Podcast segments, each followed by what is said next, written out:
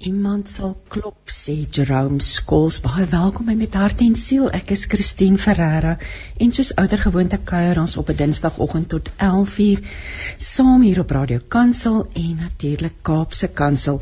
Nou vandag gesels ek met kunstenaar Jacobus Silwer van die Silwerkind Studio op Forest Smith. Um, Skalk Skoombie gaan bietjie vir ons meer vertel oor die dorpie Rosendal in die Oos-Vrystaat en dan gaan Honie Nel van Stellenbosch met ons gesels oor hoe om die kuns van teenwoordig wees oftewel mindfulness te bemeester.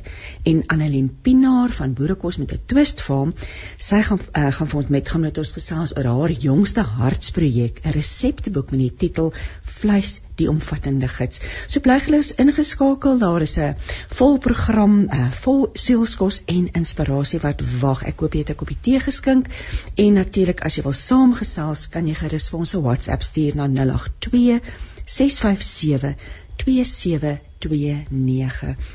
Nou terwyl 'n woesie vir ons uh, vir Jakobus op die lyn kry, lees ek graag vir ons uit Psalm 135 wat sê Nee, ekskuus tog, vergewe my, Psalm 136 wat sê loof die Here want hy is baie goed. Sy liefde hou nooit op nie.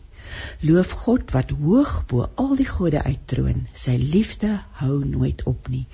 Loof hom wat baie sterker is as al die magtiges hier op aarde. Sy liefde hou nooit op nie. Die Here het groot wonders gedoen. Hy alleen. Sy liefde hou nooit op nie. Ons gaan net nou weer 'n bietjie verder lees. Ek dink dit is wonderlik om om so herinner te word aan God se liefde en ja, dat dit nooit ophou vir ons nie. Ons ons kan altyd daarop staat maak. Ehm um, ek net hoor Woesie het ons vir Jakobus op die lyn. Daar sê nie ek. Hallo? Is Jakobus op die lyn? Klink my nie so nie. Kom ek lees vir ons verder voort. Ja, uit ehm um, uit Psalm 136. Dit sê hy het die heelal met soveel wysheid gemaak. Sy liefde hou nooit op nie. Hy het die aarde bo die oseane uitgesprei. Sy liefde hou nooit op nie. Hy het die hemelruim verlig. Sy liefde hou nooit op nie. Die son hou wag oor die dag. Sy liefde hou nooit op nie. Al die oudste seuns in Egipte het hy met die dood getref, maar sy liefde hou nooit op nie.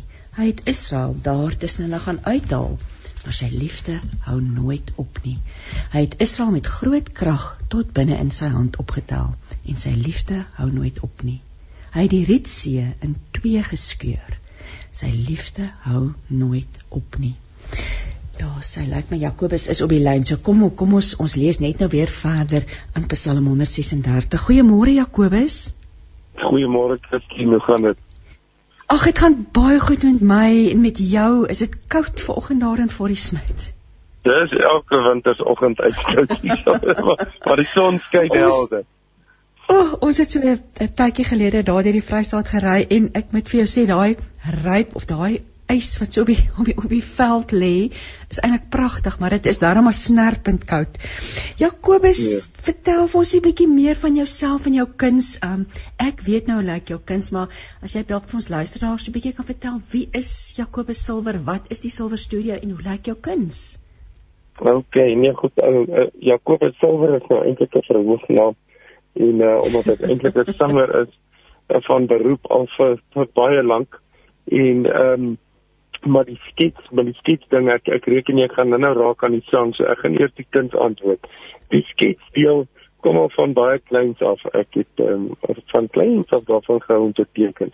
So enige ding wat 'n streep kan trek het dit strepe teen 'n muur of teen 'n onthou jy daai ou verwarmers daar aan vetverwarmers. Ons het ja. daarvan gehou met die vetkruite teen hulle teen hulle te teken. en uh, ja, daar was um, maar ag die die teken ding was dan vir, vir my nog altyd 'n stokperdjie. En ehm um, toe dit nou hierso met met lockdown ek spring nou 'n paar jaar vorentoe vir my nodig raak om aan iets anders te te te begin vat vir inkomste. Toe moet ek weer my ou sketspen optel en ek het grafiese ontwerp geswat. En ehm um, so daar was daar was kuns in my in my in my uh, tersiêre opvoeding en alles ook en uh, ek het toe maar besluit kyk toe dit nou lockdown is en ons kan nie sing nie toe moet ek nou 'n ander plan maak En um, toe het ek weer my swart balpunt pen opgetel en nou weer begin my sketse maak en uh, net soos die Here is, het hy lank vooruit besluit. Mm. Dis wat my uitkoms gaan wees op die einde van die dag. Want toe het ons net uitgekoop en kar en alles en ooh, ja, vreeslik. Skets jy onder die naam Jacobus Silver of of ja. teken jy die so daai ja. verhoognaam is nou ook jou jou kunsnaam? Um ja.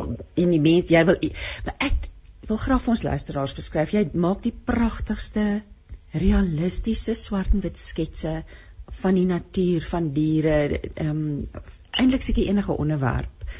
Ehm um, het jy as iemand nou terwyl ons gesels, het jy 'n Facebookblad as hulle wil gaan loer hoe lyk jou werk? Ja, dit is Jacobus Silver en Jacobus is met 'n C in die middel en Silver met 'n V in die middel. So hulle moet net onthou die Jakobus is die Engelse Jakobus en die silwer is die Afrikaanse silwer. so jy's absoluut 'n veelsidige talentvolle mens. Jy sê die Here het lank reeds vooruit geweet dat dat jy gaan moet terugval as mens die woord kan gebruik op die kuns. Vertel ons van Silversmith Silver Studio en en en Forrie Smith hoe jy daar beland het. Um ja, dis dis dis, dis hmm. weet jy het jy daar groot geword? Hoekom is jy daar? Nee, my vrou het hier groot geword en uh, sy het my daar in Bloemfontein kom haal en ehm um, ja, my na toe gesleep. Maar okay, nee, ehm um, dit was nie kicking and screaming nie, dit was darm ten minste gesamentlike besluit. Ehm um, ons ons kleintjie was so so amper mm, net so meer 'n bietjie meer as 'n jaar oud en uh, ons het 'n koliek babietjie gehad en ons moes albei van die huis af werk en dit was veel dodend om heel dag na die kind te kyk, die kos, die was goed, die alles, die alles en dit was regtig en dan slaap ons ook absoluut niks. En ehm um, toe het ons hier net toe gekom vir 'n kuier en ek sit op die gras en ek hou vir Emma Luitjie, ons dogtertjie, hou ek op my skoot vas. En my vrou en haar pa gesels daar in hulle huis. En ek voel die Here vir my sê dit kan net so eenvoudig wees soos jy dit nou voel. Net so eenvoudig. Jy kan hier kan jy julle kind grootmaak as iemand in omgewing jou nodig het, as jy hands on hier, jy sê jy kan handyman werk doen, jy kan mense help, jy kan uh weet ek ek het gehoor sê hy vir my jy kan my werk doen en iemand hierso soos dan almal kan help om na die kleintjie te kyk as ons moet werk en al daai tipe van dinge.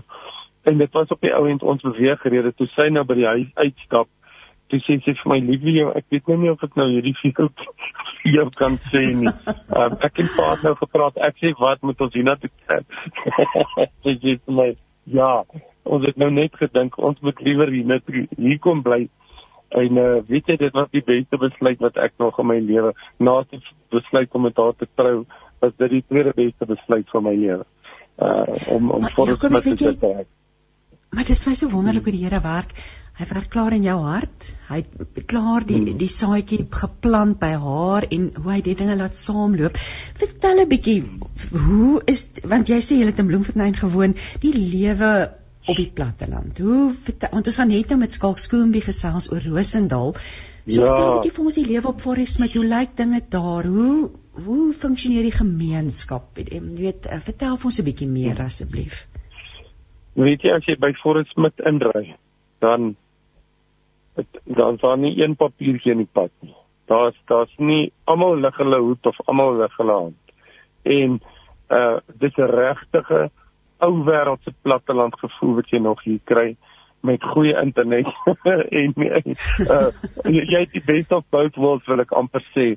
As jy by ons dorp inry is daar 'n toomlokomotief, die ene wat hulle in ehm um, ek dink hy't so tussen 9 89 en 93 het hy so laaste victory run deur die dorp gedoen en toe sy vir altyd nou uit uit diens uitgehaal en hy staan so amper soos 'n 'n reus uit die ou dae staan reg in die middel van ons dorp en hy's mooi geverf en man en ons pad se strepe is geverf net nou die dag weer en ons het regtig 'n munisipaliteit wat skrik vir niks en ons werk lekker saam met hulle ja.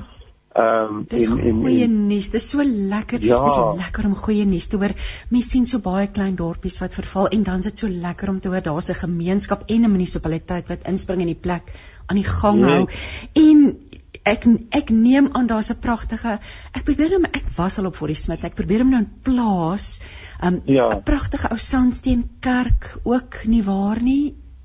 weet jy nie waar lê julle vertel vir die wat nou nie weet nie waar lê Forrie Smit kom ek sê vir jou jy ry van Bloemfontein af ehm um, ry jy in 'n suidwestelike rigting kom ons sê amper ehm um, dit dis amper Jakobsdal toe. Jy gaan uh jy kry eers 'n ander dorpie Jagersfontein wat wat 'n ou myndorpie is ook 'n pragtige plekie hy's net voor Forrie Smit en dan kry Forest met so 100 en so 125 km van Bloemfontein af. En uh, na ons sit natuurlik Koffiefontein en rondom ons is Lukhof, Philippolis. Uh so dit is ehm um, is alles die ou skyn Karoo. So die ehm um, Ja, dit is nie baie ver van Bloemfontein af. Dit is net ver genoeg dat jy kan as jy moeg is hier dan ry gou stad toe uur, uur en 10 minute. En as jy Jy het hom nou vir my mooi geplaas. Hy hy's eintlik nie ja, ja. oorgeselde kant van die Oos-Vrystaat. Hy lê meer aan die regterkant van Bloemfontein, hy's nou van Johannesburg se kant af. Yes. Presies aan daai kant, ja. Ja. ja. Oek, vertel vir ons oor die geloofsgemeenskap daar. Hoe hoe hoe hoe is dit om daar te leef en jou geloof daar uit te leef? Hmm. En jou en sommer jy kan sommer iets deel oor jou geloofspad. Ek kan hoor jy hou vas aan die Here. So vertel vir ons 'n bietjie meer daaroor ook asseblief. OK, so kom kom ek sê jou so. Ek is in die uh, ek gaan net sonder om denominasie te praat. Dit ek in 'n hele ek het nog hulle 'n konservatiewe deel van die geloofslewe groot geword. Ehm um, daar is nie uh hoe kan ek sê probleem daarmee nie, maar ek en my vrou het getrou en ons het besluit ons gaan na 'n ander kerk toe en ons het daarso ehm um, ek ons nogal uh, uh, met met invloedryke pastore uh, uh in aanraking gekom en so aan wat ons gelei het om sekere besluite te neem en amper asof dit ons reggemaak het om in Forresmit te kom diens doen. Die die die die ouens wat ons daar ons leiers wat was het vir ons geleer hoe hoe lei jy van onder af boontoe? Jy jy kan nie jy kan nie van bo af onder toe lei nie, dan dan het jy weer barstige mense, 'n klomp mense wat aan jou voete byt. So jy kom van onder af boontoe, jy soos Jesus gesê het. Maar nou ons het 'n ons het 'n lekker uh NG kerkie so um um op Fordsmith en um ons het 'n plaaslike boeregemeenskap en uh uh man ons het 'n klomp kerke um in die omgewing. Ons het um, en, um, en en ook dan neem ek aan vernuwingskerk, is daar 'n vernuwingskerk of twee in die dorp?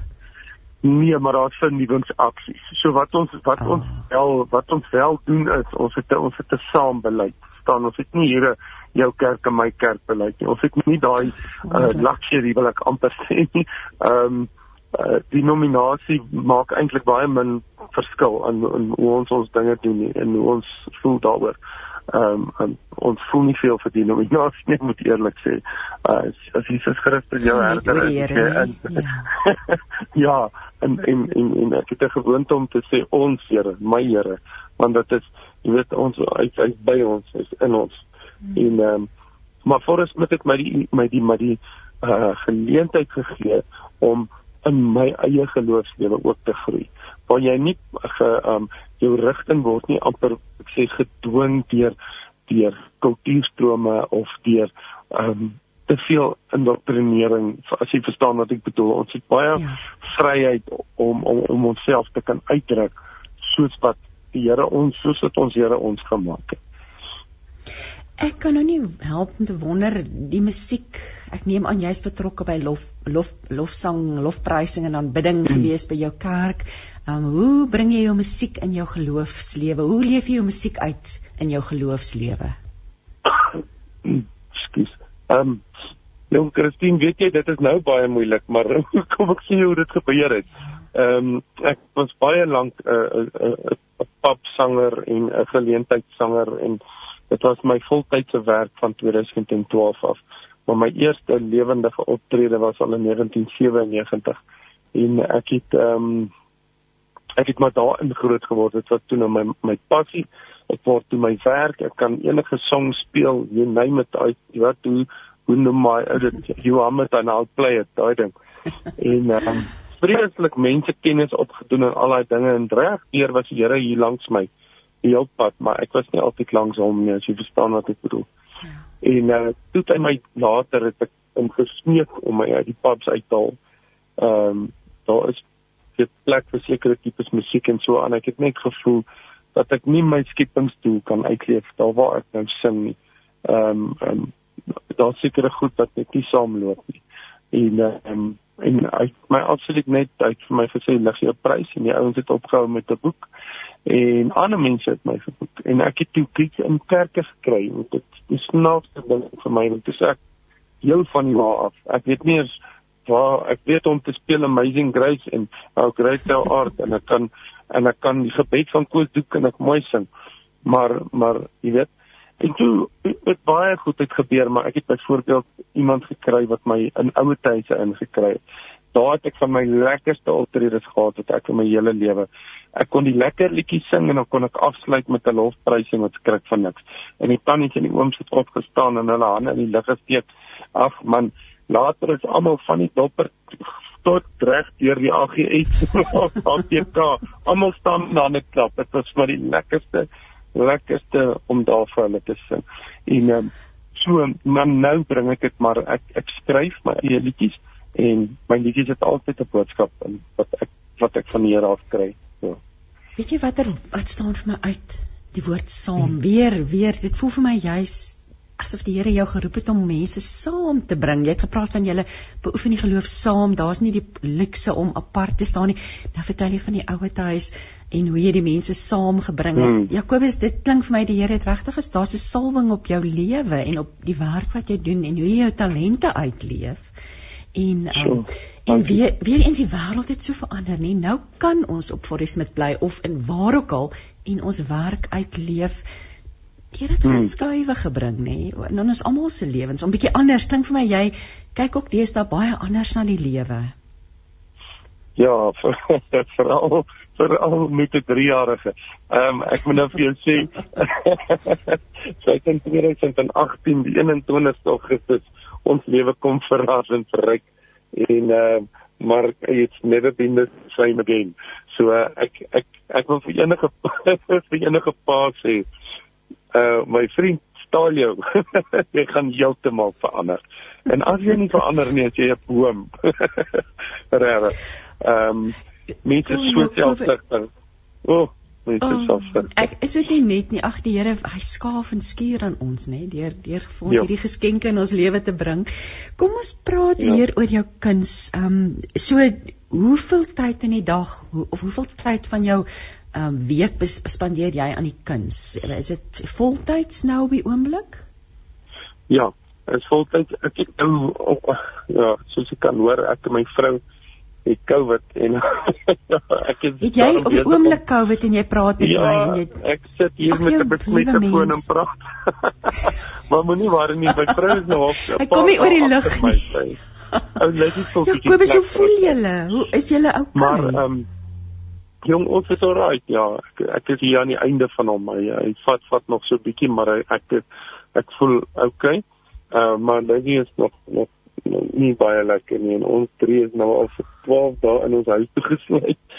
Dit raak bietjie moeilik. Ehm um, Soos eintlik lekker om vanoggend 'n bietjie oor radio kansel te gesels. O, dit is lieflik. Ek het vir gesê onthou ek ek sit hier in my kar want dit is die stilste plek in die omgewing.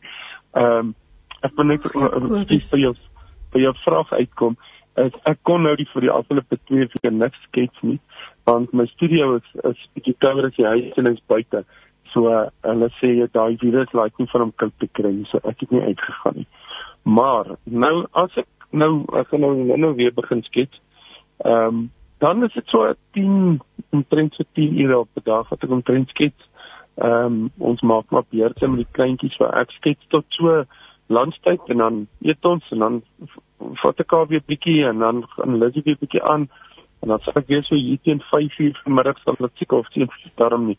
Kom ons sê so 3:30 dan vat ek weer die vat ek weer die pen en dan uh, vanaand as ek nou my oë begin moeg raak dan klim ek nou maar liewer uit. Ehm uh, en dan Dis 'n baie produktiewe dag. Dit uh, want kuns ek dit tap dit uit jou uit, nê? Nee? Ja, my kind is anders as ander mense sin. Ehm, um, ekskuus ek het dalk weet jy van 'n ander vraag nou nou vra, maar ek gaan hom sommer gou antwoord. my kind werk bietjie ehm um, is op kommissie, by commission basis ek weet nie 'n um, opdragwerk. So ja. dit is hoe om mense nie my werk kan in 'n galery eintlik gaan koop behalwe daar's een in Bloemfontein ehm um, ehm um, die Kotse kunsgalery. Hulle het my goedjies. Uh, maar ek het nie landwyd goed in gallerye nie want ek het nie die luxury om te kan vinnig 'n skets maak wat ek van hou nie. Want ek is so besig, dank die Here. Almal sê vir my teken my ou, teken my hond, teken vir my 'n doringboom, teken my plaas. Ehm um, so ek skets op opdrag. So dis hoekom ek so besig kan wees. Uh, dit is ongelooflik. Want want ja. min kunstenaars kan kan soort van sê dit dit vloei of wat jy net sê dit is dis in hierdie tye kry kunstenaars ook maar dikwels swaar. So jy sê hulle en dan ja. vat jy nou maar jou pen en jou is dit op papier wat jou werk is dan vat jy die pen en die ja. papier ja. en daar gat jy gaan teken die plaas um of die ouma of wat of die hond of wat ook al mense vra En natuurlik pragtig. Ek wil net sê drie skreer van Palaborwa gesels saam. Hy sê môre sis en boetie daar deur ver by die draadtoes. Jakobus sê tot sy ketelwater vries. ek het die mooiste potloodsketse gedoen sê hy ook voordat hy diabetes gewerk gekry het. Hy sê nou werk ons vir die koning as sendelinge. Ons verstaan nie altyd hoe alles werk nie. Wow. So Dries verstaan so ietsie van van jou wêreld. Ehm um, Palaborwa, ek weet 'n kleinerige plek om te woon en natuurlik werk as vir koning vir die koning as sendelinge deur jou werk elke dag. Beskryf 'n bietjie waarvan hou jy om wat hou jy van om te skets? Jy sê jy kry nie kans om dit te doen nie, maar wat hou jy van om te om om te illustreer of te skets? Ehm um, ek ek vergelyk altyd my sketswerk met my met my liedjie skryfwerk ook. Dit is baie dieselfde in die sin dat ek al van hou om in metafore te werk ehm um, uh, die Bybel se metafore is vir my verskriklik interessant. Elke liewe sin beteken 'n legio van God. En en en ek kan dit absoluut opeet. Veral as jy by by die ehm um, Jesus se ehm um, 'n wat is 'n parable nou weer in Afrikaans? Skus. Se ehm um, die gelykenisse, die, die gelykenisse, gelykenisse jammer. Ja, as jy by die gelykenisse kom. So wanneer ek 'n uh, ek het byvoorbeeld nou die dag um, um, vir 'n familielid in in Kansas ag in in Arizona in Amerika 'n boom gestuur wat ek geskets het wat vir my uh wat so opkyk. Ek weet jy kan hom eintlik vir jou stuur dat jy op jou webwerf kan sit maar hy so hy kyk so boontoe maar hy's heeltemal uitgebrand. So die hele beeld was vir my 'n ding van uh 'n bietjie dieper betekenis van uh, ons sal sing in die vuur ons sal opkyk terwyl ons swaar kry. En uh uh, dit is uh, daar waar vir my wat sulke goed wat ek al van hou om te skets. Uh ding met met dubbel betekenis of nie 'n dubbel betekenis maar met 'n dieper betekenis as jy dieper ja, kyk. Ja. Ehm um, maar my gunsteling gunsteling is is is natuurskets. Ek hou van bome, ek hou van diere. Ehm um, maar nou sonder om dit nou die tipiese ek wil so 'n bietjie afwyk van dit. Ek wil so klein bietjie uh abstrakt in werk hier en daar klein bietjie veral in die, in die agtergrond en so so men maar gou daarvan ek kan dit nie eintlik verduidelik die mense moet kyk ek wil hulle opsit so nou en dan. Ja, ja. Kobus ag ek sien ons ons tyd raak al, al raak al min en ek het 'n klomp vrae gehad vir jou maar as kan nog ek wil nou vir jou net vra kritiek. Wat hoe hanteer jy kritiek as dit kom by jou kunswerke of staan jy glo jy staan vas in die Here het jy die talent. Hoe hoe werk jy met kritiek? Jy mens bly tog maar mens nê nee? Ja, ek dink die Here help my om terwyl ek presies dieselfde emosies as 'n ander ou ervaar om nie om nie die ou wat my kritiek gee uh, iets toe te sny. Dit is maklik. Ons kunstenaars is baie temperamenteel, ek gaan nie vir jou So te, kritiek is moeilik om te hanteer, maar daar's 'n mooi manier om dit te hanteer. En dan ek sit myself uit daarvoor, ehm um, omdat ek opdragwerk doen jy teken die mooiste weergawe van daai seentjie man dit lyk presies soos die foto en sê sê maar sien ja nie se oog gestaan nie. Dan wil dan wil ek 'n muur uitklim maar ek sal anders skets totdat ek dit kry en ek bid baie keer sê vir die Here asseblief daai oog asseblief net vandag. Die ouetjie se maar so op vir haar se hy lyk. Uh, maar kritiek is goed. mens moet ja mens moet daarna luister nie altyd nie soms Is dit is dit een van die moeilikste dinge aan 'n mens om te om te teken is die oë of wat wat vind jy uitdagend? Baie mense sê hande is so moeilik om, ja. om te skets. Hande ek ek probeer so ver weg bly van hande af so kan. Dis een van die moeilikste vir alles jy met 'n medium sit soos balpunt pen. Jy kan nie lekker fade nie um, of uit uh, uh, dit ja. Ek ek krap eintlik ek sien vir mense ek krap eintlik. So as jy nader kom dan lyk dit skaals en as jy bietjie terug staan lyk dit beter So mense ehm uh, my lyne is hard. So dit is baie moeilik om 'n hand met are byvoorbeeld te teken. O, ons nou die dag 'n babietjie skets. Julle daar's ons geen definisie van 'n baba se gesig nie. So nou moet ek met 'n balpunt pen moet ek nou 'n die ligste melkwit velletjie met blonde hare met 'n swart balpunt pen skets. So dankie Here dat dit dan nie heeltemal soos 'n krokke krokkewaandjie gelyk het klaar is nie, maar die, maar die kind het dan soos haarself gelyk Maar dit was baie challenging. Dit was verskriklik uitdagend. Jacobus, maar hoekom eh, die so dis jou enigste medium? Ja, wat, wat maak dit jou lekker om met 'n balpunt pen te werk? Die een fout. En jy moet saam met die foute werk. Jy kan nie uitvee nie. So die lewe werk ook so, nê. Ehm um, ons probeer ons foute wegbid, maar eintlik is dit die goed wat ons fondasie vorm. Ehm um, so ek kan ek kan 'n fout maak met die swart pen en dan gaan ek boor en boor en boor ehm um, wanneer daar 'n regte groot noodgeval is dan dan lê ek 'n skelpel en dan krap ek die bladsy weg. Jy kan dit nie te veel doen nie want dan breek jy die hele skets. So dit is regtig nogal fyn uh jy daar's nie beplan nie. Dit is we come as we go. Nee, dit is ons gaan maar soos ons gaan. En uh maar ek hou van beeldhou, ek hou daarvan om met sement en klein goed op te werk. Ek kry net nie baie kans daarvoor nie nou. Ehm um, skepende driedimensionele kuns is vir my ook lekker. So ek sal in daai medium ook bietjie meer wil werk nou en dan. Jakobus, waar jy waar kan mense jou in die hande kry? As iemand nou dink hulle het 'n hulle wil graag kyk hoe lyk jou kuns in die eerste plek op jou Facebookblad, maar as hulle met jou wil kontak maak om dalk 'n opdragwerk uh, vir jou te gee, waar kan mense jou in die hande kry? Dankie Christine, hulle kan op my Facebookblad gaan. Ehm uh, my vrou se nommer is daarop en uh, ek sal vir jou my nommer ook op die lig gee as ek mag. Ehm um, en dan ja. uh, hulle hulle kan my 'n uh, e-pos stuur. Uh my e-pos is jacobus.silver@gmail.com. En uh, dit is Jacobus met 'n C, silver met 'n V. OK, jacobus.silver@gmail.com en dan my selfoonnommer is 0711 64425 en dan kan hulle my op my Facebookblad ook 'n direkte boodskap stuur. Ehm um, ek antwoord nogal Facebook sê ek antwoord nogal vinnig. ja, hulle sê dit mos vir jou.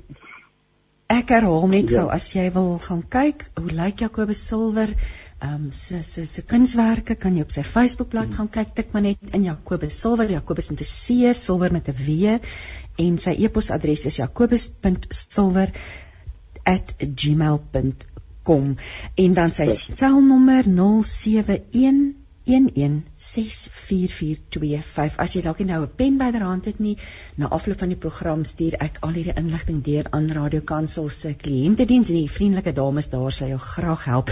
Jakobus alles seën vir jou en Lizzie ek hoop julle word baie gou gesond en en en ons bid ook spesiaal vir vir Lizzie wat wat ek klink vir seker is as jy. En nogmaals dankie dat jy ten spyte van van van die COVID bereid was om vanoggend met ons te gesels. Um, ja, dit is regtig 'n voorreg geweest en ag seën vir julle daar in Forrie Smit.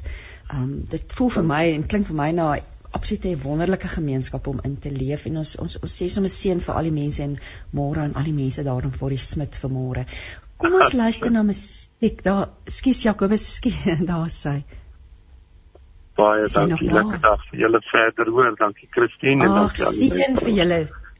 Mooi bly Jakobus. Tyd vir musiek daar sê. Kom ons luister na en dit pas my nou so mooi by wat Jakobus oorgesels het. A new point of view van Man Manuel Escorcio.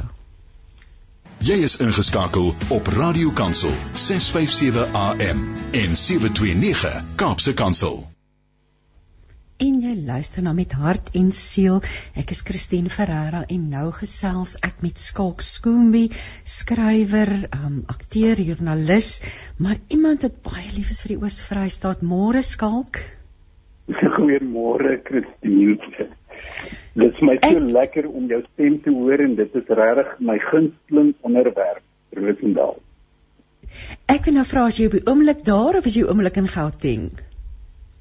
Ja nee, ek wens ek was daar, Christine. Ek sit hier in Alberton. en my so, Ons kan 'n bietjie droom, ons kan 'n bietjie droom vandag. Ek dink ons ons verlang almal, maar ons mag daarom nou weer reis, nê? So ons mag daarom weer die die grens oorsteek.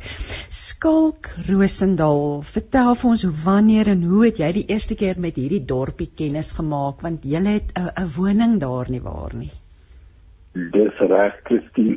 Dit dit is nou al seker 22 jaar wat ons ehm um, gereeld sin toe gaan dat ons die huisie daar het. Ek was ek het uh, voltyds gewerk by die Kat in 1999 net voor die eeuwending of die millennium wending. En toe kom vertel uh, moderedakteur Chris Viljoen vir ons van die interessante plekke in die Oos-Kaap wat omring is deur berge en wat die lug so soet is.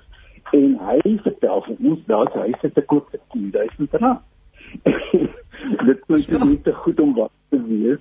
Ek en my vrou, my skoonsis, my kinders en my skoonma het hier sommer 'n groot trek aangepak een naweek. Ons het uh, vroeg vroeg gery so toe.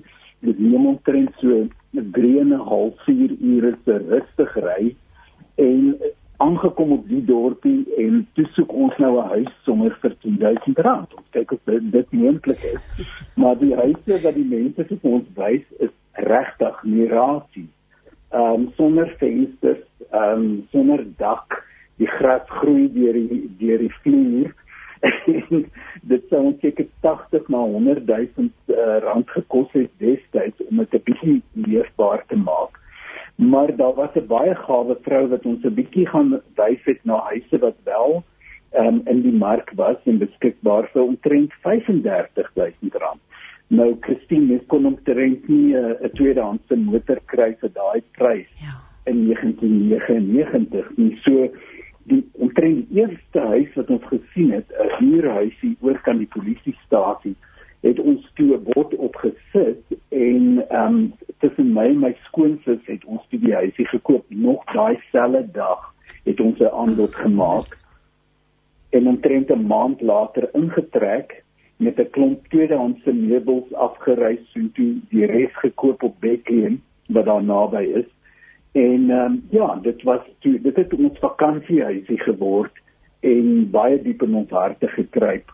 Ek sê 22 jaar my my my seun was 8 en my dogter was 7.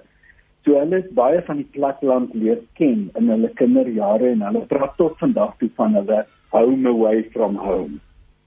En natuurlik die heilsaamheid um, van van van die lewe daar want daar's nie veel om te doen so jy as gesin vir al die kinders kleiner is neem ek aan het baie spesiale tye saam deurgebring daar. Baie ja. baie. Christine, dit is vir ons is dit regtig 'n plek van salwing en rus. En ons wou dit noem op 'n stadium laat slaap. Want dit is die plek waar ons regtig kan voel die oomblik wat ons daar aankom, wil ons net slaap. Ons wil net rus. En ja, daar is regtig mense vra my altyd wat is daar te doen op Rosendal?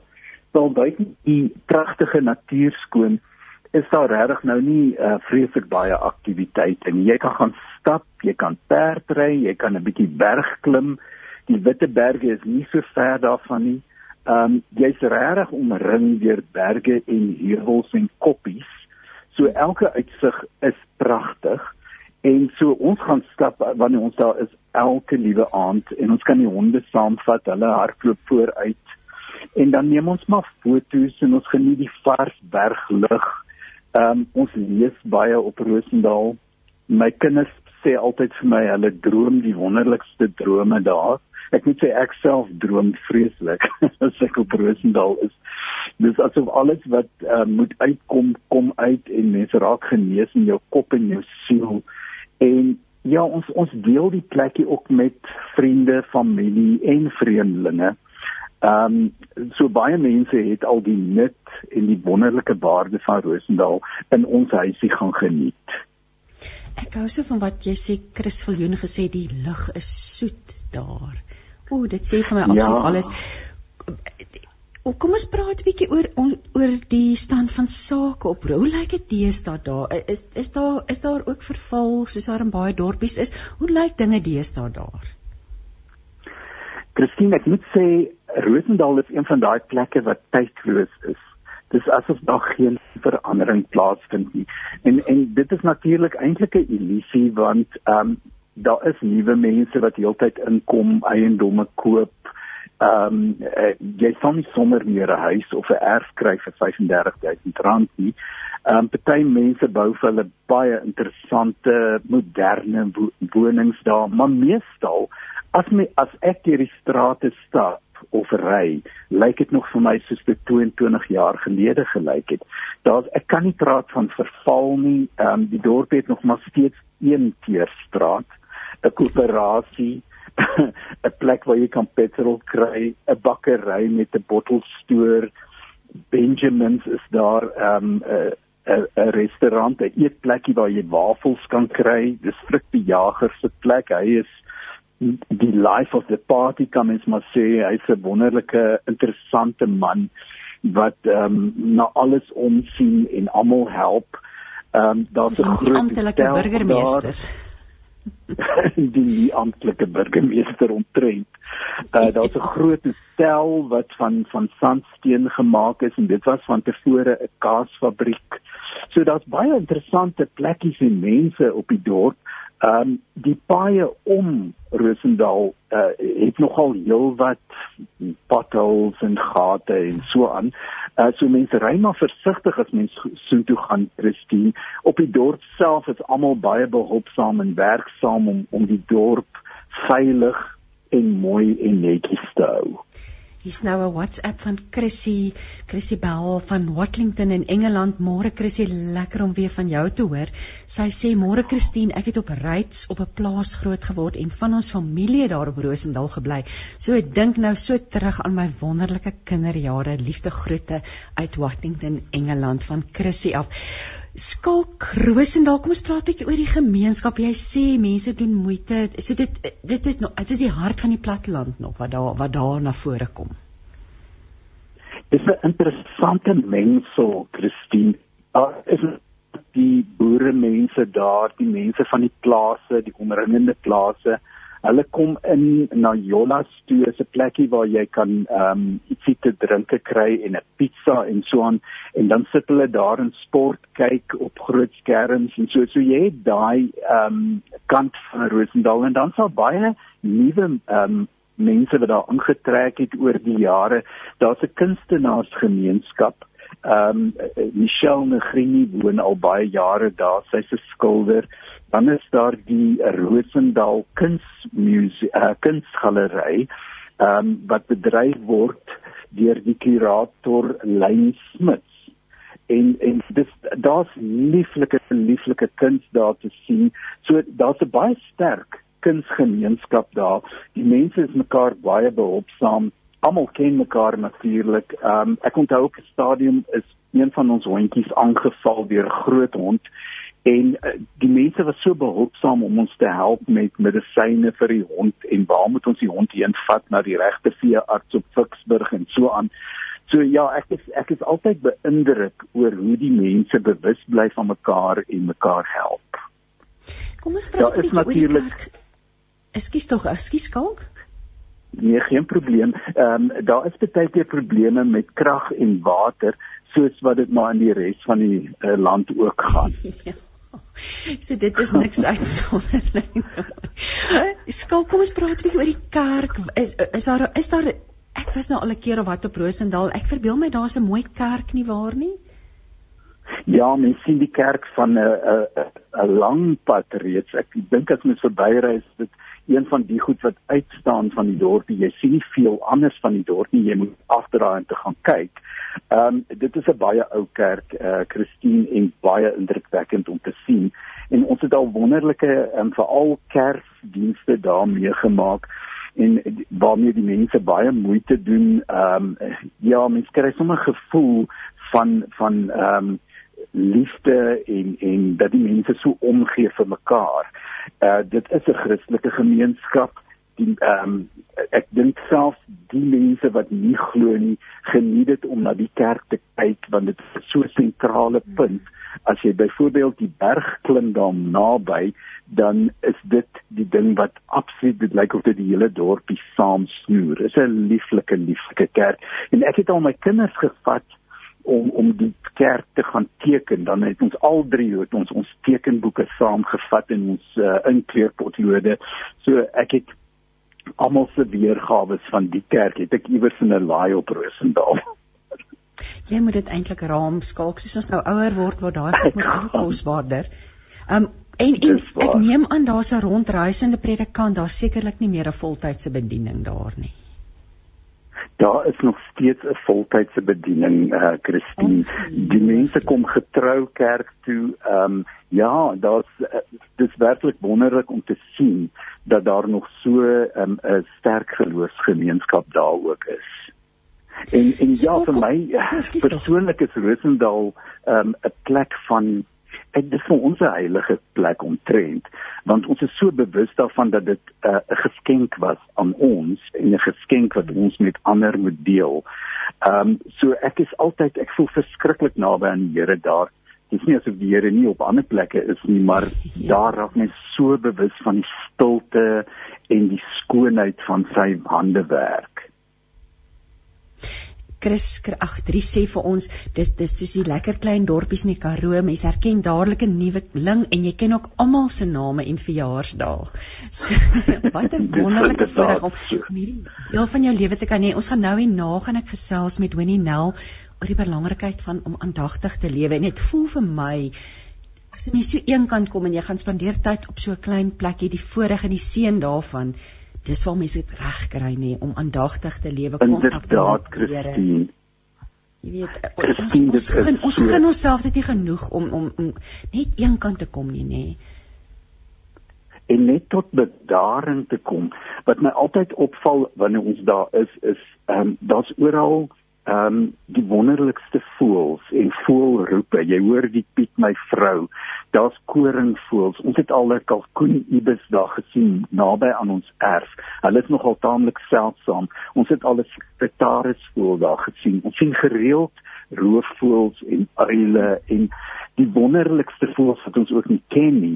So dit word beskou as 'n plek waar voëlliefhebbers wonderlike ehm um, dinge sien. Daar's baie watervoëls want daar's twee damme aan weerskante van die dorp. Ehm um, waar jy reiers en eende en allerlei uh, fantastiese voëllewe kan sien. Skalk, ek dink jy is sommer nou lus om in jou kar te klim en soontoe te ry as ek nou so luister na jou. Ehm um, die die die nostalgie en die en die en die, en die liefde wat jy vir die plek het. Mense wat nog nooit daar was nie, wat graag Rosendal toe wil gaan, wat sou jy aanbeveel? Wat moet hulle nie misloop nie? Boonbehalwe die stilte en hierdie soet lug, ehm um, wat moet hulle nie misloop nie?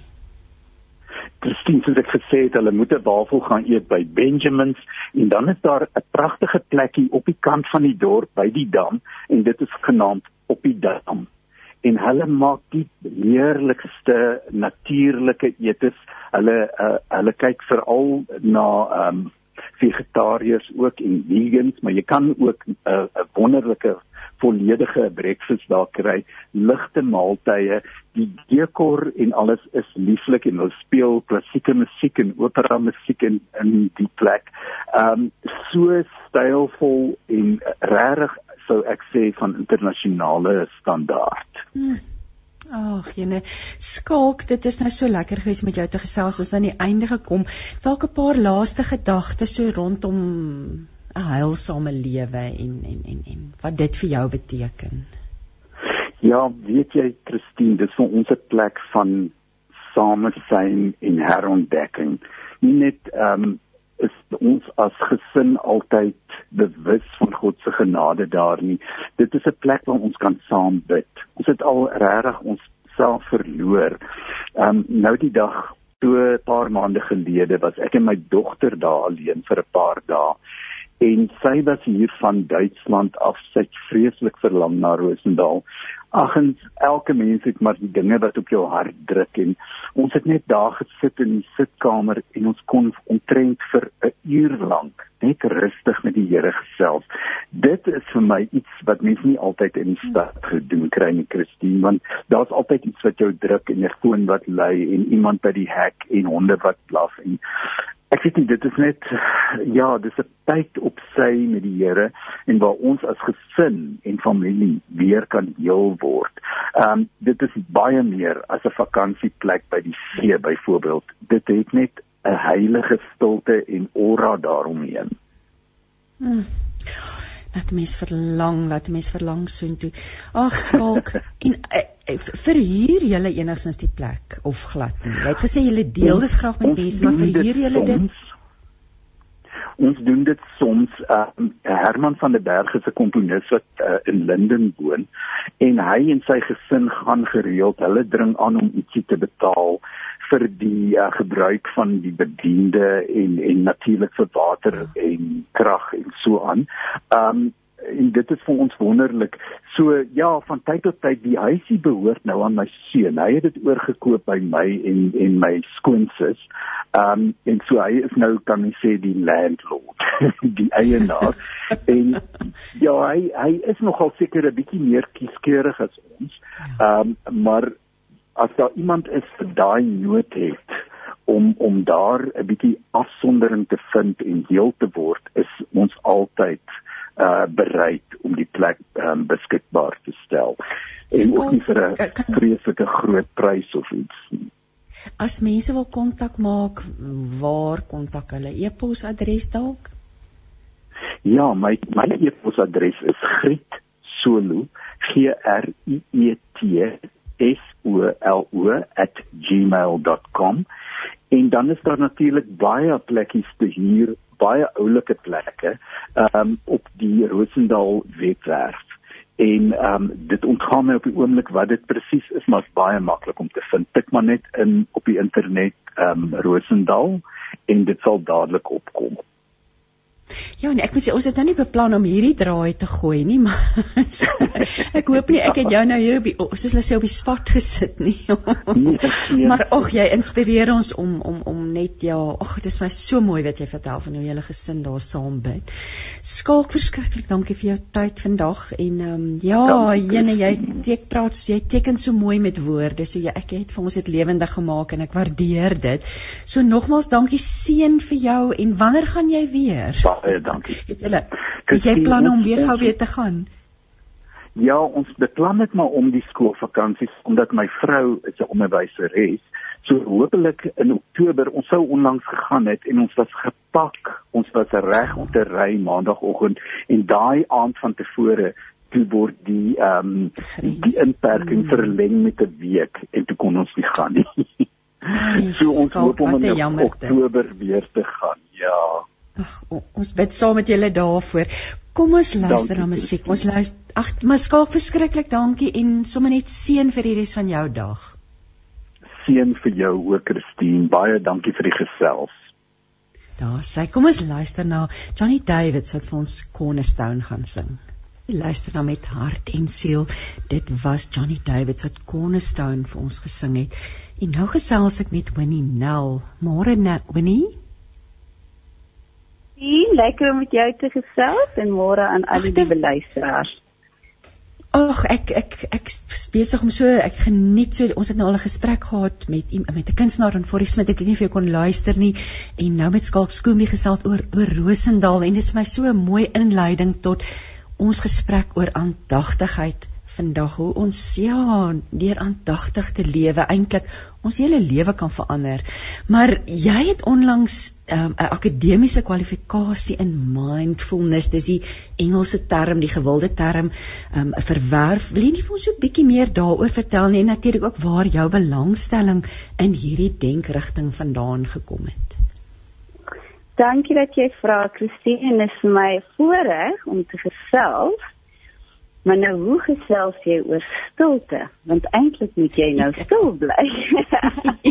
so eintlik as jy nou in my kursus was, het ek nou gesê kom ons stop alles en ons haal net gou almal drie keer diep asem en uh, kom net hier in jou lyf in. Uh, ons kan dit maar mos doen maar so oor die lug, nee, ons kan mos die luisteraars uitnooi. So ehm um, ja, die die, die koninkryk is altyd hier en nou.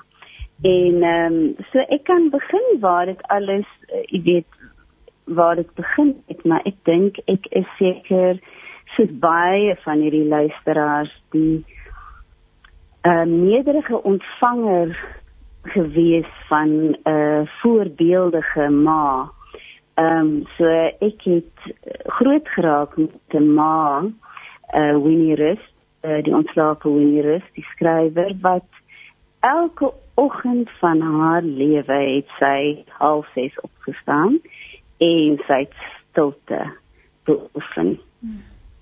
En ehm um, ek dink die voorbeeld het my gelei in wete dat daardie dissipline iets ehm um, in mense eie innerlike lewe verdiep want sy het altyd met 'n geweldige vrolikheid ons gordyn oopgeruk en gesing opstaan opstaan is 'n lieflike dag so sy dink dit iets daar gekry in haar stilte en dan het sy ons ehm um, uh oor jy weet oor laai en en uh, gespoel met haar lewensvreugde. So dit is waar ek dit begin doen het. So sy het vir ons ook dit geleer.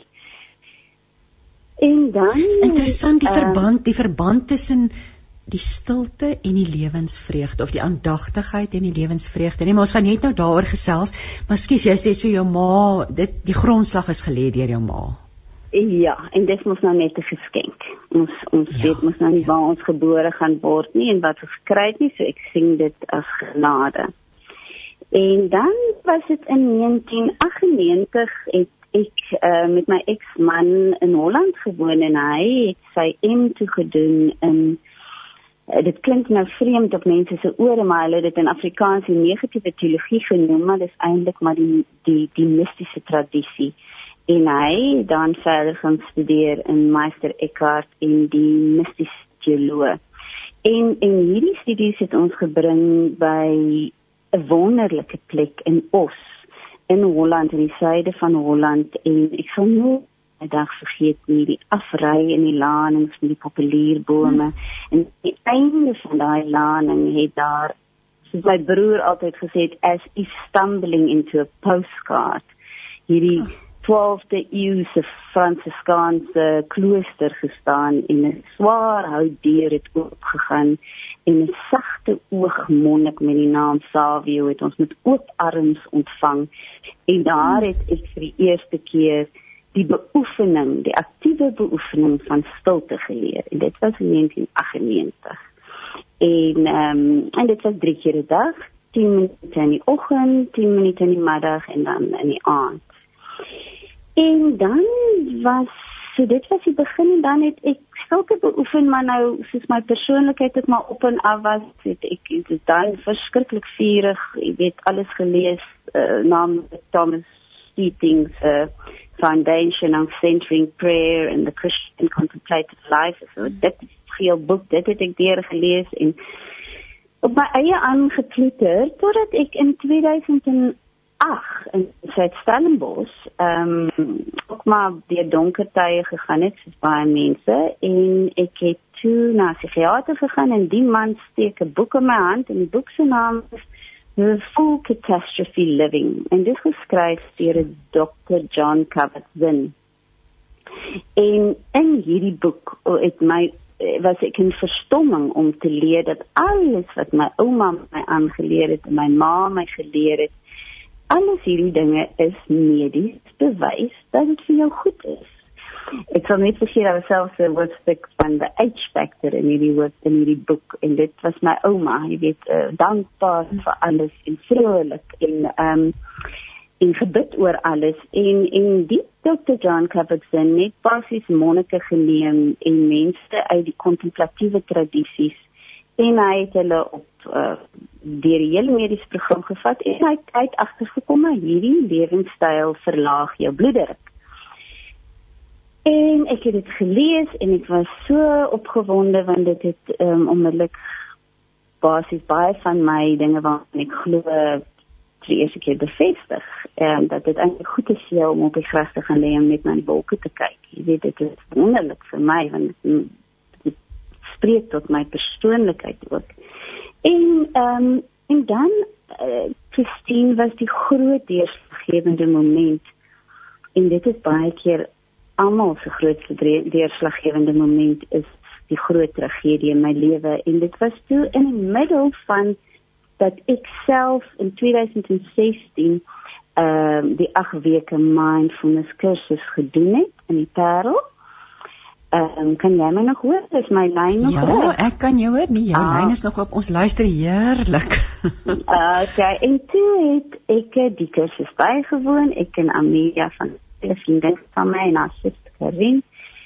En in week 6 word ons huis toe gestuur met 'n mindful ehm um, hulle noem dit 'n mindful attitude 'n 'n 'n 'n aandagtigheidsbeginsel en die aandagtigheidsbeginsel was toe radikale aanvaarding van hoe jou lewe is en wat nou tans in jou lewe afspeel. En hulle sê stuur ons toe huis toe met hierdie gedig van Rumi en ek ek lees dit vertaal in Afrikaans deur Johannes en de Villiers en hierdie gedig gaan toe so. Hierdie menslike bestaan is 'n gastehuis. Elke oggend daag daar iets nuuts op. 'n Vreugde, 'n hartseer, 'n wreedheid, een of ander tydelike ervaring loer as 'n onverwagte gas. Verwelkom en ontvang hulle almal, selfs al is dit 'n skare van verdriet wat jou huis gewelddadig van meubels leegvee. Behandel elkeen met respek. Hulle maak dalk in jou ruimte vir 'n nuwe blydskap. Die donker gedagtes, die skaamte, die nait ontmoet hulle glimlaggend by die deur en hulle in. Wees dankbaar vir wie ook al wag, want elkeen is as 'n gids aan elders na jou gestuur. Hmm. En dis die volgende dag om kwart oor 5 wat die skare van verdriet my huis binne gekom het en met die boodskap van my ma wat vermoor is. Hmm. En dit was toe vir daai oomblik ehm um, besef ek dat ek nou hierdie tragedie moet aanvaar. Ek want wat al die leermeesters van volbewustheid vir jou sê is want dit is reeds so. So ek het hierdie verskriklike tragedie moes ontvang want dit is reeds in my huis. En dit was 'n geweldige pad. So van 3 jaar daarna het ek my asem opgehou. Dit was 'n skrik, so dan skrik gaan sit in jou lyf. En maar gelukkig het ek hierdie kennis al gehad en hierdie effense voor voor oefen van hoe bedryf mens onvoorwaardelike aanvaarding en en daarna in die einde van 2 na my asem opgehou vir 3 jaar en einde van 2018 het my vriendin Maggie Center sy's 'n onkoloog en ons het al in 2014 uh stil begin op woensdaagoggende en sy het langs my gaan sit en sy het gesê nee kom oor jouself. Ons skryf jou nou in vir hierdie um mindful based stress reduction kursus want jy is gemaak hiervoor. En ek het gedink ek kan nie want jy moet 'n mediese agtergrond hê hiervoor maar ek het myself daar ingewikkel en ek het nou die afgelope 2 jaar dit studeer en ek het dit nou afgestudeer en ek is nou 'n amptelike mindful based stress reduction um instruktrise. En wat my kwalifiseer as een is omdat ek pyn en lyding ken en dit is ja, waar ek nou staan. Wanneer jy, jy jy praat die dinge wat jy nou sê so kosbaar van asem ophou. Ek voel of ek dink dat ons is besig ons is in 'n periode daarvan nê die die die mm. pyn het daai skare uit ons huise binne gekom en ons hou asem op ons weet nie wat wag nie ons ons is besig om asem op te hou maar hoe wonderlik dan dat vanuit hierdie lewe van aandagtigheid en ons het nog ons het so baie om oor te gesels die kontemplatiewe lewe wat ons van leer oor die in die woord binne hierdie kry ons dan eintlik groot vrede. Mm. Ja, mamma, jy oplettendheid ja. Ja, ja, so ek kom ons praat 'n bietjie oor die hoekstene van 'n aandagtige lewe? Hoe hoe lyk 'n aandagtige lewe? Ehm um, weet jy Christine, dit is ehm um, ja, hoe lyk 'n aandagtige lewe?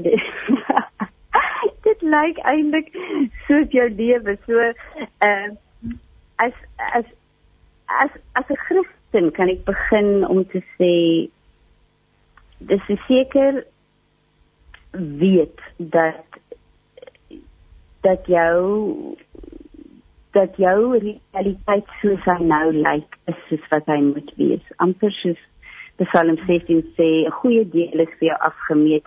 Dis 'n uh, aandagtige lewe is 'n aanvaarding van wat ek nou het. So jy maak jou oë oop. Wat sien ek nou?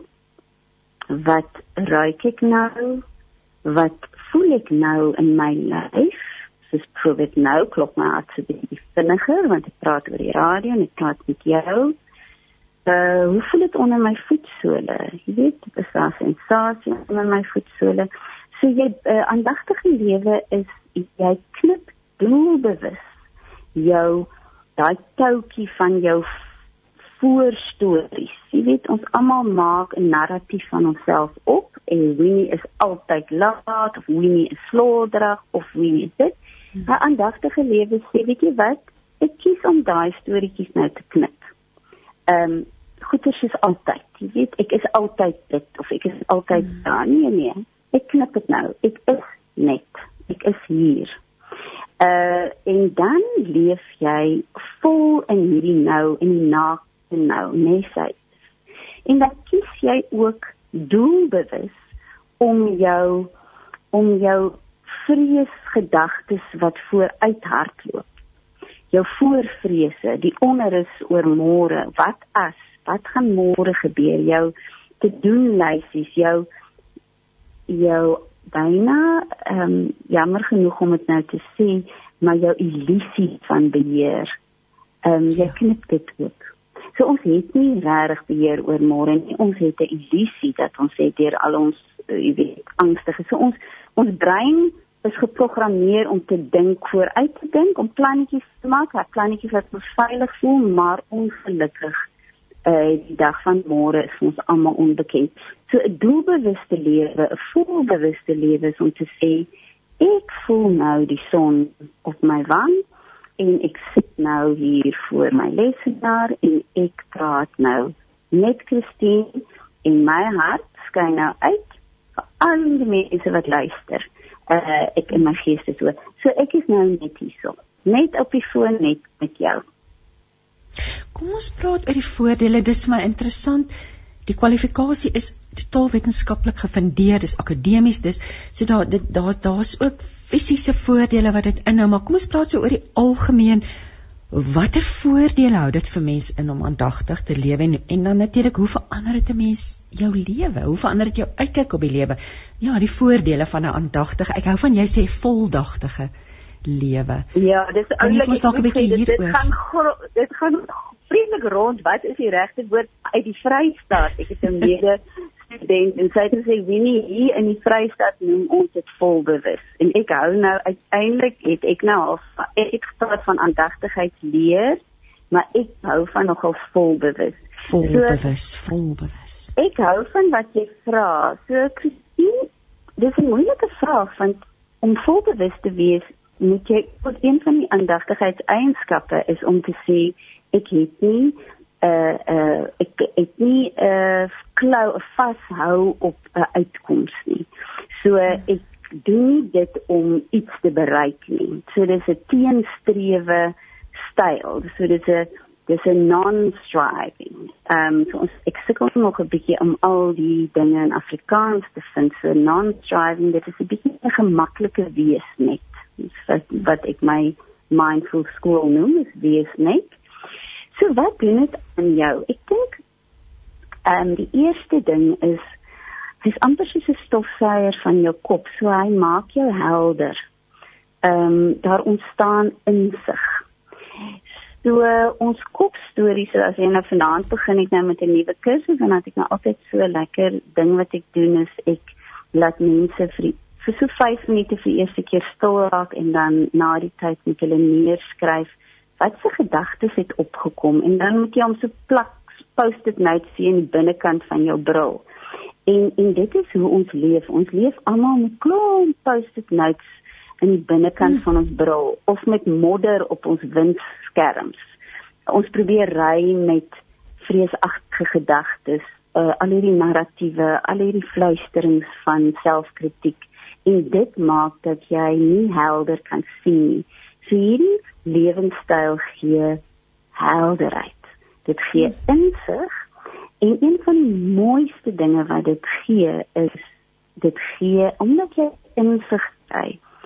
Uh raak jy meer genadig en jy raak meer liefdevol. So hy soos my een onderwyser gesê van die mindfulness as jy nie deernis aanleer in jou 2 jaar van mindfulness nie, dan het jy iets gemis. So dit verdiep jou deernis. So, dit werk wetenskaplik. Jou amygdala is in jou brein, jou reptielbrein is daar om jou te beskerm teen vaar. So ons almal is reaktief. Ons limbiese stelsel maak dat ons is insigte, jy weet, ons voeltjies uit in trek. So ons gaan in ons doppies in of ons beklei. So as jy vreesagtig leef, dan jy reaktief. Die oomblik as iemand anders as jy dink, dan val jy daai persoon aan. En daarom het jy 'n vreesagtige brein en jy kan eintlik jammer genoeg nie lief hê nie.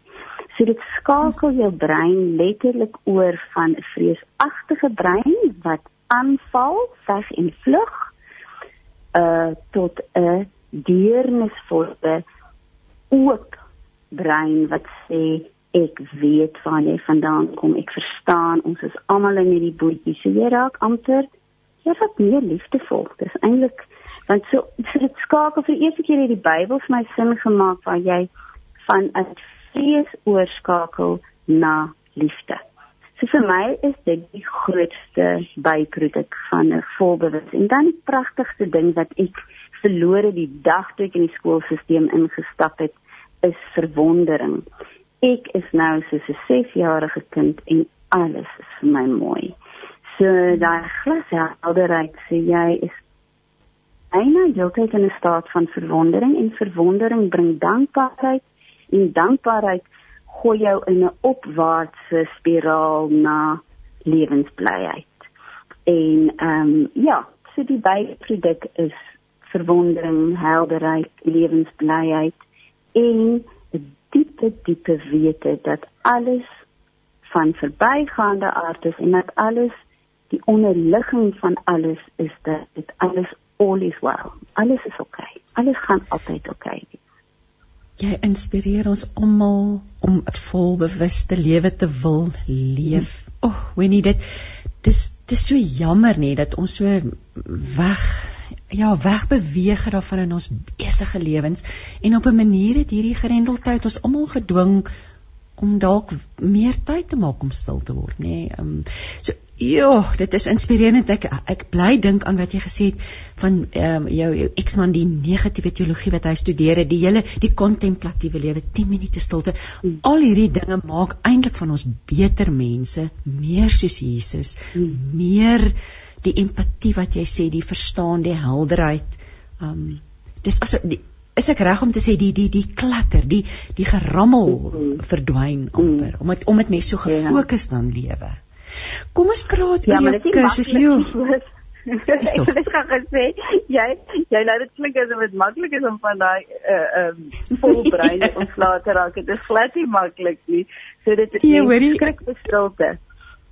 Ja. Dis hoekom ek wil by jou hoor nou want dit voel vir my jy gaan vir ons iets hier ook van waarde kan deel want die kursus want jy jy dit nou al ek hou ek gaan teruggaan en sê jou jou webwerf dis weesnet.co.za. So as iemand luister en jy wil bietjie meer weet hiervan, gaan kyk gerus op Winnie se. Dit is eintlik 'n lang gesprek wat ons kan hê rondom hierdie rondom hierdie onderwerp. Maar gaan kyk op daardie daardie webwerf, daar gaan jy meer uitvind. Maar hierdie kursus wat jy aanbied, dit begin vanaand sê hy.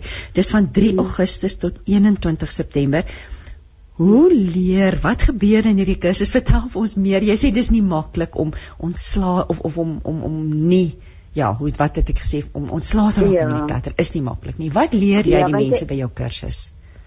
Ja, so die die, die jy werk eintlik met so dit is ag hierdie 8 weke is uh, uh wetenskaplik ehm um, deur die ehm um, laboratorium so is letterlik nagevors soos wat hulle Prozac nagevors het.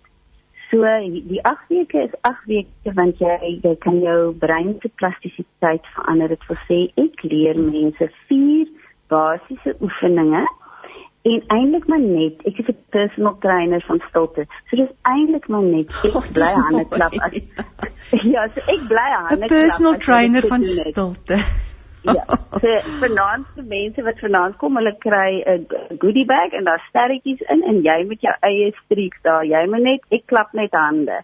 So wat ek hulle leer is vier basiese ehm um, aandagtigheidsoefeninge waarvan die eerste een is die liggaamskandering. So jy val in jou uit jou gedagtes uit.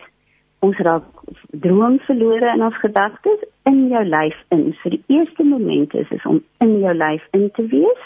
So jy leer jou van letterlik van jou kop tot jou toon leer jy voel hoe voel lewe binne in jou lyf. So ek begin letterlik by jou linker ehm um, groot toon en ons werk om deur tot op by jou kroon van jou kop en dan leer ek vir mense ehm um, stilte, aandagtigheid op a, op jou asem. So jy vat die kollig van jou aandag weg van jou gedagtes en jou sorges en jy bring dit alleenlik na jou asem. En jy volg net jou natuurlike ritme van jou asem en iedere keer as jou gedagtes dwaal, dan bring jy dit weer terug en dan leer ek jou om bewuslik te te wandel, te loop. Hoe voel dit om te loop? Hoe voel jy voet op die aarde? Hoe voel die swaartekrag? En dan leer ek jou hoe om bewuslik te eet en bewuslik ehm um, vol bewus te beweeg.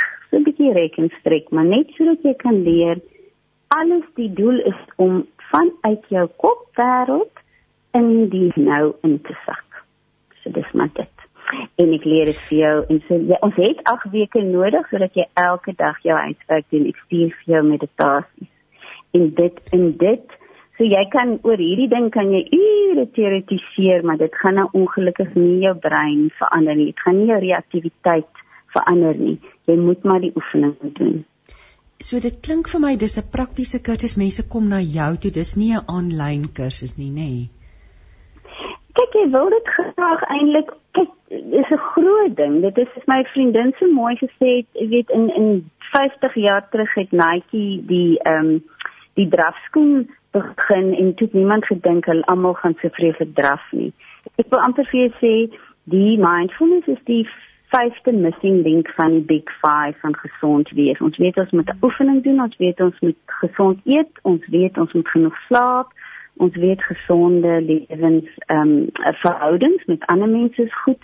Hierdie mindfulness of die volbewus leef is die volgende missing link. Ek leer jou net om te skakel vanuit jou simpatiese senuweestelsel, jou veg en vlug, die aktiewe stelsel, weer terug na die weesnetstelsel, so van jou te doen lysie na jou weesnet lysie. So dis nou daai as jy op vakansie gaan, dan weet jy nie eintlik hoe om af te skakel nie. Ek is baie goed om dit vir jou te leer. Ek leer jou afskakel. Wanneer sê jy maar kom mense daar na jou toe of of hoe is dit is hulle fisies daar by jou vir die kursus? Ja, Of- dis of nou 'n vir nou fisies, dis nou vir fisies by my want ek hou van mense in die oë kyk. Maar dit is 'n gesukkel met die pandemie, moet ek eerlik sê. Ons ons moes nou laas kwartaal eh, aan fisies bymekaar kom oorskakel na Zoom. So ek wil baie graag Zoom kursusse ook begin. So as daar nou van die luisteraars wat in Pretoria sit of al, ek weet nie hoe wyd jy uitsaai nie. Ja, as hulle my kontak-. As hulle my kontak, dan gaan ek definitief 'n Zoom kursus aanbied. Dan kan ons dit doen op, op Zoom. Ja. Winnie, ons het nou uit tyd uit geraak en ag oh, ek het, ons kon nog ure gesels oor hierdie onderwerp. Ons het eintlik net so die oppervlakte wat skim the surface soos hulle sal sê. So ek het genoem daar's 'n webwerf. Is dit waar mense met jou kan kontak maak? Ja, hulle kan. Ek wil net bely my webwerf is, is laat veel te vir dat ek weet ek weet om stilte om stilte te bemark nie en ek voel onmiddellik leer as ek uh, aan die bemark gaan.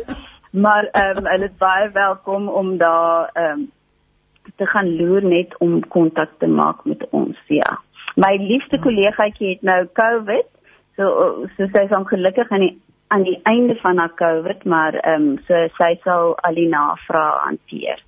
Ehm um, en dan kom ek graag kom ek graag by almal uit. Al wat ek wil sê is ek wil mense op die pad van ehm um, 'n innerlike lewe wil ek aanmoedig want daar is regtig 'n kasteel binne in jou. En die deur is jou seer. Vir die seer is die deur tot 'n diepe diepe innerlike wêreld. Dis nie eintlik altyd iets wat 'n mens wil hoor nie, nê? Ehm, um, maar dit maak gee mens ook weer hoop om te dink dat die seer bring daai bring maak daai kasteel of of help jy om daai kasteel te bou. Jo, Winnie, dit was 'n inspirasie met jou te gesels. Ek wens ek was in Stellenbosch om die kursus te kon doen. So ek glo jy moet maar werk aan daai Zoom kursus dat dat die hele land geleer kan word ja. van van 'n oh. volbewuste lewe. So ek, ek is so as mens wil e-pos of wat ook al, gaan maar net na die webwerf toe. Is dit reg so? Hmm. www.weesnet.co.za. Ek het selfs met Winnie Nel, um ja, 'n 'n 'n volbewus kenner. Wat sou mens wat hoe wat beskryf jy? Nee, jy het gesê 'n lewensafrigter van stilte. Dis wat jy gesê ja, het. Ja, ek ek is ek het eendag vir iemand gesê ek is 'n agent van die onsigbare. Ag, nou maar toe. Engel op aarde, nê? Nee, dit is ons kan aanhou en aanhou. Winnie, dit was heerlik. Dis amper tyd om met my volgende gaste gesels, maar wat 'n heerlikheid om met jou te gesels en ja, jy het nou ek het sommer nou 'n storie idee hier ook verleef hier so ons sal weer ek sal met Lizet Mary bietjie gesels maar ja maar um, ons gaan weer gesels maar ek wil net vir al die luisteraars sê ek buig baie diep vir al hulle seer. Ek wil net sê ek gee erkenning vir elke mens wat 'n seer hart het in hierdie tyd. En sit jou hand op jou hart en wees goed vir jouself. Ag, oh, dis pragtig.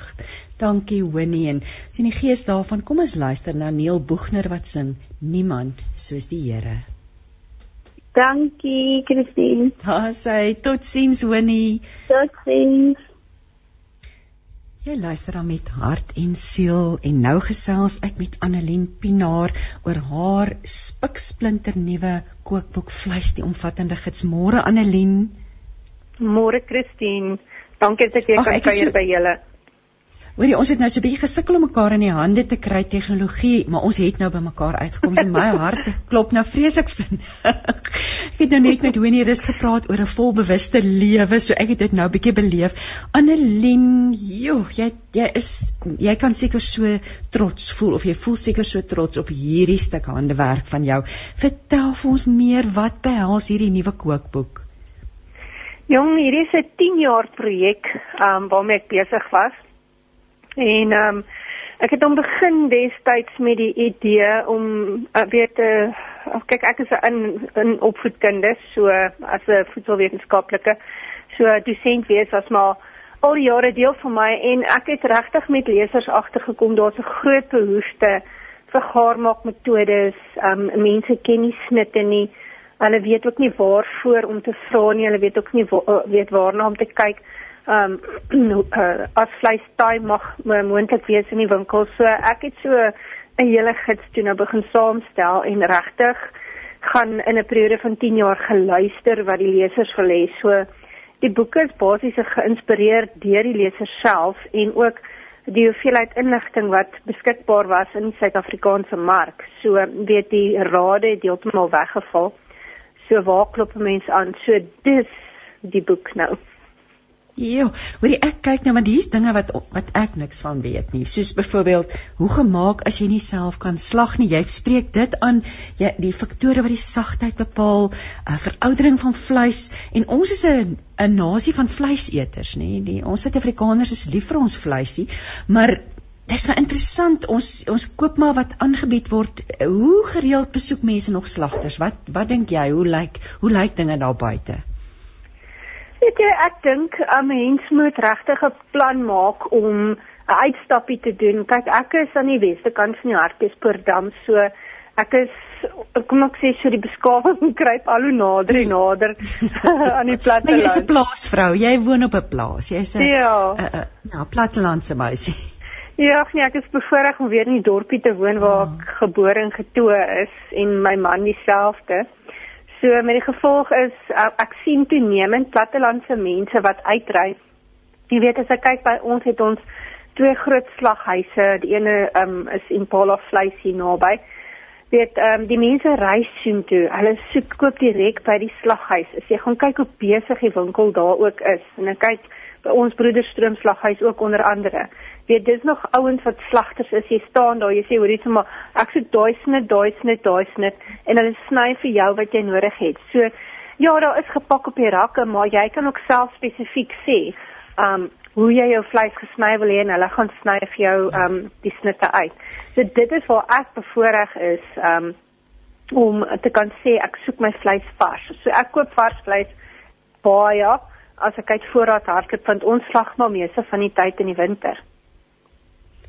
Kom ons praat 'n bietjie oor die boek self. Um, dis my ag ek ons nou al vele kere hier op die op Radio Kansel gesels. Jy dra heel eers weer hierdie boek op aan die Skepper. Ehm um, vertel vir ons 'n bietjie meer uh, want dit is jy praat van 'n 10 jaar projek. Ehm um, en dat jy ook dit self saam geweet gefotografeer het. So kom ons gesels 'n bietjie oor die rol van jou geloof in die skep van hierdie van hierdie boek. Weet jy ek ek glo die Here laat elke persoon gebore word met sy talente en ek um, het vir 5 jaar van my lewe nadat ek um, uit die professie van dosent wees gestap het, het ek 5 um, jaar net afgevat. Ek wou niks te doen gehad het met enigsins met kos nie. En ja, die lewe loop met jou op pad en ek probeer weghardloop van daai werk af. En my maat het my daaroor gepraat op haar sterkbed en ek het toe net weer vol pens en potjies ingeklim en dis waar ek staan vandag en ek dink daar het ek geleer om te luister wat God se stem roep en die gawe om inligting te kan oordra. So ek's 'n educator. Ek is 100% 'n opvoeder. Um ek kan moeilike goeters in makliker perspektief vir my lesers stel. Um ja, so ek dink daar het um God vir my regtig gesê oor die Annelien, moenie mors met wat ek vir jou gegee het nie. En ek het losgetrek en ek het begin skryf en um begin klasse gee in my ateljee en ja, en so dit is toe nou hoe die Here die reis met my geneem het, maar dit was dit was 'n moeilike boek. Dit was regtig 'n um en om eties te skryf ook, want um ons sit met soveel vegetariese mense en um die bewustheid van um volhoubaarheid is 'n groot woord in in my bedryf. So um weet vleis eet is dit volhoubaar? Is dit eties korrek weet 'n mens het gesit en wik en weeg met daai en baie gebeur het in die boek, boek ingegaan om te weet weet hoe hanteer ek dit dat ek nie of weet mense gaan afsit nie um ja. So ek het geskryf regtig waar in die eerste plek um as um ek het groot geword op die plaas ek is 'n boervrou oor um respek te hê vir die lewe wat jy neem dankbaar te wees vir die voet aan my liggaam. So daai gebed wat ons elke aand bid om te sê seën die voedsel aan ons liggame. Weet 'n mens eh, dit verhol so baie keer oor 'n mens se lippe as jy dank vir die voedsel wat jy eet. Maar is jy regtig dankbaar? Ehm um, so ja, so ek het regtig eties probeer korrek skryf en ook wys dat ons van die snoet tot die stert elke deel van die karkas benut van elke dier en daarom um, het ek uh, in die boek ook um, klem daarop gelê om elke snit te vat en 'n resep vir dit te ontwikkel en dit het baie baie tyd geneem.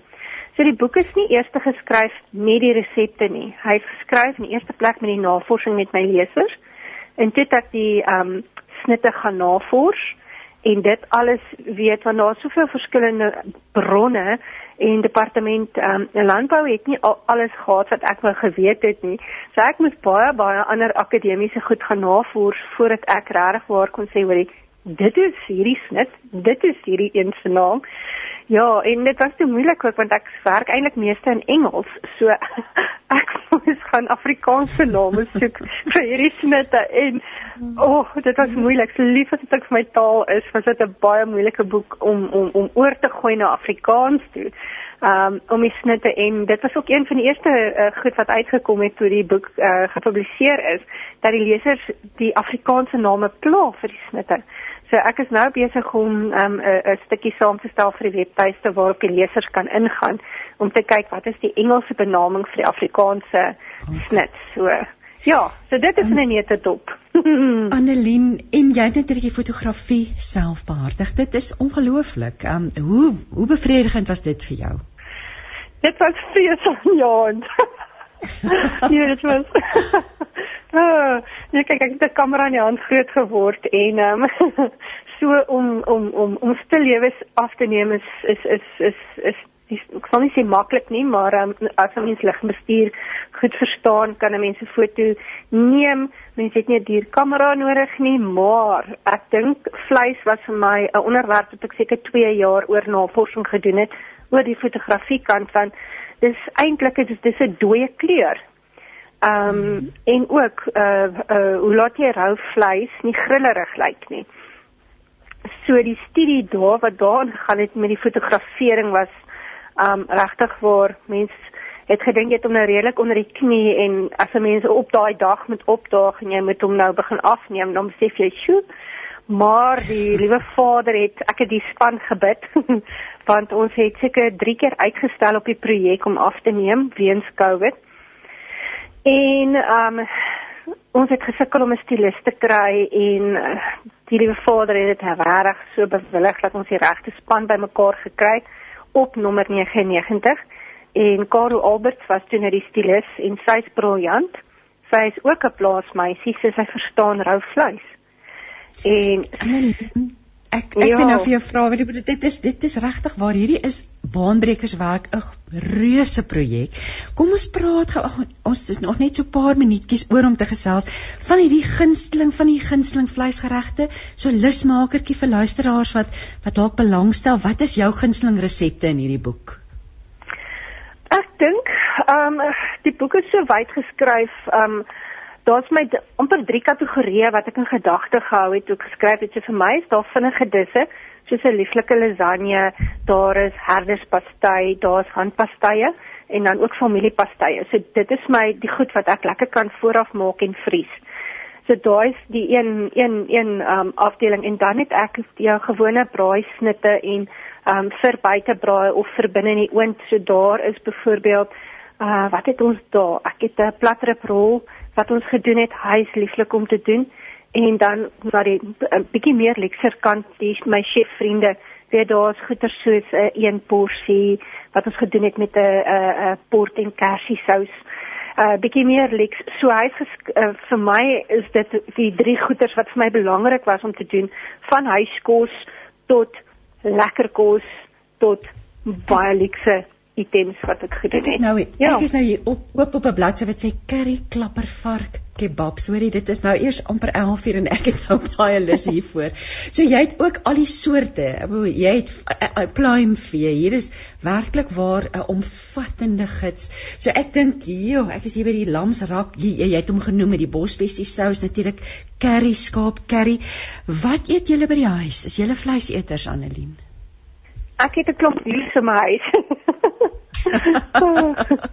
Wat lief is. Ag Annelien, ons ek sien dis 10:57. Ek is ons het vreeslik gesukkel om jou in die hande te kry en ons het met die 'n bietjie tyd verloor. Ek dink ons sal maar weer moet gesels oor hierdie lieflike boek van jou. Maar vir ons luisteraars wat nou net ingeskakel het, ek het gesels of ek is besig om te gesels met Annelien Pinaar oor haar boek Vleis, die omvattende gids. Annelien is ook die skrywer van Boerekos met 'n twist. Annelien, waar kry mense op die oomblik die boek in die hande? Weet jy, tans is die boek aanlyn sien ek is hy baie goedkoper um, by Takealot, Loot, Raru. Um ek sien graffiti boeke en um wat sê aan die 'n exclusive books het ook nou 'n aanlyn diens wat jy kan um koop en hulle lewer af. Bargain books as jy daar instap by die winkels ook. Um almal van hulle um hou die boeke aan. Ja, so hy word nasionaal en dan ons internasionale lesers wonderlike nuus hierdie week gekry. Um, is a family radio station committed to Aarde, is jy nog daar? Ek is hier so. Yes, ek hoor jou. Okay, so okay, so dis boekwinkels reg oor die land aanlyn. Annelien, kan ek jou vra, is jy kan jy vir ons afsluit met 'n gebed asseblief vanoggend? Ek maak so. Ons het so 'n minuut oor om om om te bid. Asai. Dankie liewe Here vir die wonderlike geleentheid om met my luisteraars en ook my lesers elke dag te kan kontak.